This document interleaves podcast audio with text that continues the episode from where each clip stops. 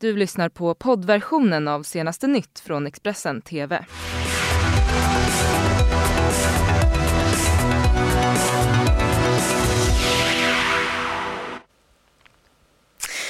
Det är måndag och det är senaste nytt med mig Ylva Johansson. Det här är morgonens rubriker. En person har dött och en skadats efter skottlossning i Köpenhamn igår. Oljepriserna skjuter i höjden efter helgens attacker mot saudiska oljeanläggningar. Årockstjärnan Rick Ocasek är död. Men vi ska börja utanför Stockholm där flera polispatruller samt en helikopter eh, varit på plats under natten, närmare bestämt i Hässelby gård utanför Stockholm. Detta efter att flera personer larmat om skottlossning.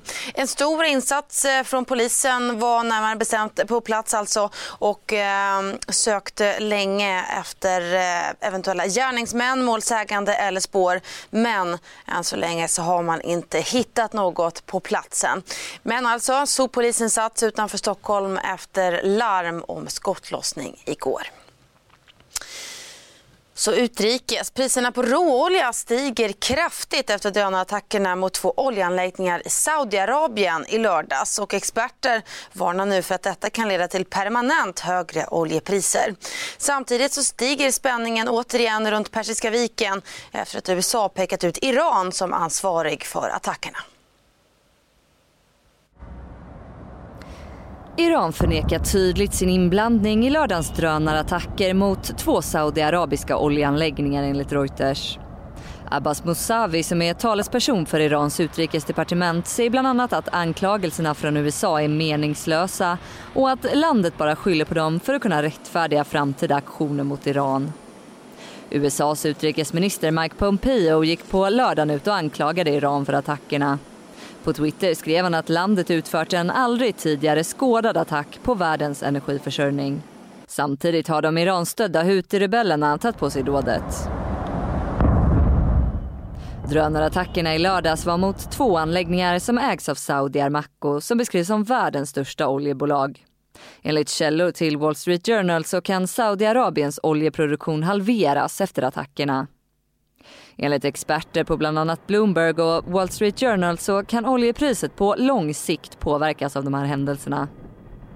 Saudiarabien har också sagt att de är beredda att slå tillbaka mot de som ligger bakom dåden vilket gör att oron stiger kring den redan spända situationen vid Persiska viken. Ja, de här drönarattackerna i lördag ska alltså ha slagit ut halva Saudiarabiens oljeproduktion och nu så lovar Donald Trump också att öppna upp oljereserverna. Mer om det kommer vi naturligtvis prata om under morgonen. Rocksångaren och producenten Rick Ocasek har hittats död i sitt hem. Rick Ocasek var sångare i rockbandet The Cars som hade sin storhetstid på 80-talet. Men han är ju också känd för sitt äktenskap med den svensk-tjeckiska supermodellen Paulina Poriskova. De skildes eh, 2018 efter 28 år som gifta. Igår så hittades Rico Kasek död i sitt radhus på Manhattan i New York. Det uppger nu flera medier. Enligt New York Post så var det exfrun som gjorde upptäckten och larmade polisen. The Cars och Rick eh, och Ocaseks eh, de valdes in i Rock Hall of Fame så sent som 2018 och med sitt sound som låg i gränslandet mellan new wave och rock så hade gruppen 13 singlar på topp 40-listan i USA. Bland de mest kända märks eh, Just What I Needed, Good Times Roll och You're All I've Got Tonight. Rico Kasek blev 75 år gammal. En person har dött och ytterligare en är skadad efter en skottlossning i ett bostadsområde utanför Köpenhamn igår. Enligt polisen som haft en stor insats på plats under kvällen och natten så rör det sig om en uppgörelse mellan kriminella. Minst en person är död efter en skottlossning i Ishöj utanför Köpenhamn på söndagskvällen där flera personer blev beskjutna. Det skriver Extrabladet. Ytterligare en person har skottskadats i samband med händelsen. Larmet om skjutning kom till polisen strax efter klockan 21 på söndagskvällen. Enligt polisen har två personer blivit träffade av skott och den ena har alltså dött av sina skador. En tredje person ska ha fått lättare skador i samband med händelsen men uppges inte ha träffats av några skott. Efter dådet stod det två övergivna bilar på platsen varav den ena hade skotthål i vindrutan och på en dörr. Danmarks Radio berättar om tungt beväpnad polis och flera ambulanser på platsen. Enligt danska medier så ska den här händelsen ha inträffat i ett bostadsområde. Med det tar vi oss återigen inrikes. För igår så drog ju det norska ovädret in över Sverige med vindar uppemot 20 meter per sekund. Ovädret resulterade i nedfallna träd, jordskred och stopp i såväl tåg som färjetrafiken.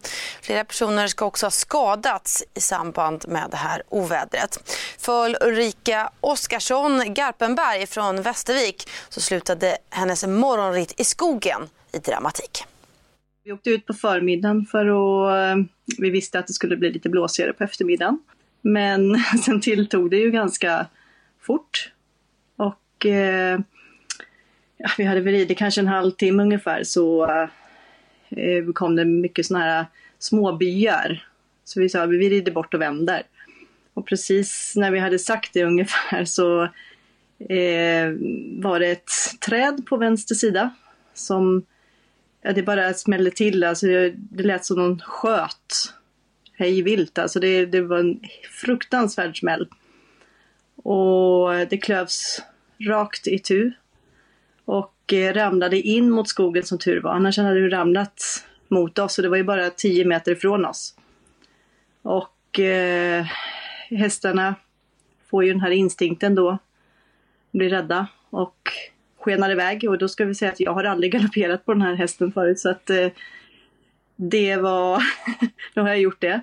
Det var läskigt, alltså det var fruktansvärt, ja, en eh, otroligt eh, obehaglig upplevelse. Så att vi fick ju försöka lugna hästarna och eh, ja, stoppa dem först och främst. Det tog ju en liten stund innan vi fick stopp på dem. Ja, när vi kom eh, till den svängen där så började, de gick ju på tårna hela vägen hem. Hur ser det ut med, med vinden nu där du är? Ja, det blåser jättemycket. Det, det kommer såna här byar. Alltså det, vi ser ju, vi har varit ute och plockat upp ute i trädgården också så att det inte ligger massa lösa grejer för det har farit omkring här ute också då. Så det är väl ganska kraftiga byar så som kommer. Ja, och det fortsätter även att blåsa här under dagen. Eh, fram på eftermiddagen ska vinden dock lugna sig. Så till politikens värld. Den nya arbetsmarknadsministern Eva Nordmark har i rollen som ordförande för fackförbundet TCO varit kritisk mot både regeringens politik och reformeringen av Arbetsförmedlingen. Men sen hon då tillträdde sin nya tjänst i regeringen så är projektet nu ett av de största som ligger på hennes bord. Detta fick hon frågor om när hon eh, igår gästade SVTs Agenda. Jag har varit väldigt tydlig i min tidigare roll och riktat kritik mot regeringen.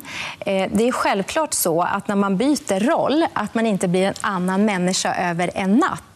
Jag har såklart fullt fokus på att som socialdemokrat och arbetsmarknadsminister med den roll jag har fått i, i, i regeringen att göra allt som står i min makt för att säkerställa att vi kan ha en aktiv arbetsmarknadspolitik mm. som både ger företag förutsättningar förutsättningar att anställa rätt kompetens. Människor som söker arbete eller söker nytt arbete får det stöd som de behöver. Men, det... men får jag då bara avbryta mm. dig? För att om du inte har ändrat åsikt, om det, då, eh, är du inte i behov av att man verkligen eh, satsar mer pengar på arbetsmarknadspolitiken i den kommande budgeten? här då, Om du ska göra ett, arbete, ett bra arbete, helt enkelt?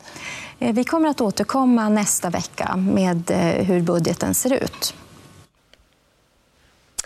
Och så ska vi avsluta den här sändningen i Ystad där man hittar Sveriges sista tornblåsare.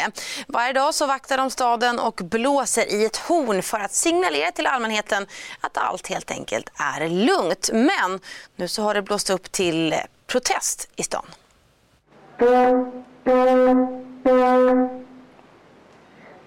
Så. Det är rätt ovanlig blåsning. Varför blåser ni fel ibland? Det är ju så att den här konflikten, det är den som gör det. Tornväktare Roland Borg har blåst i sitt horn i Mariakyrkans torn i 52 år. Mellan klockan kvart över nio och 01 varje kväll så ljuder hornet för att meddela Ystadborna att det inte finns några bränder i stan. Men numera kan man höra att hornet ibland ljuder med fel signal. Det här handlar om en protest mot arbetsgivaren som är kommunen.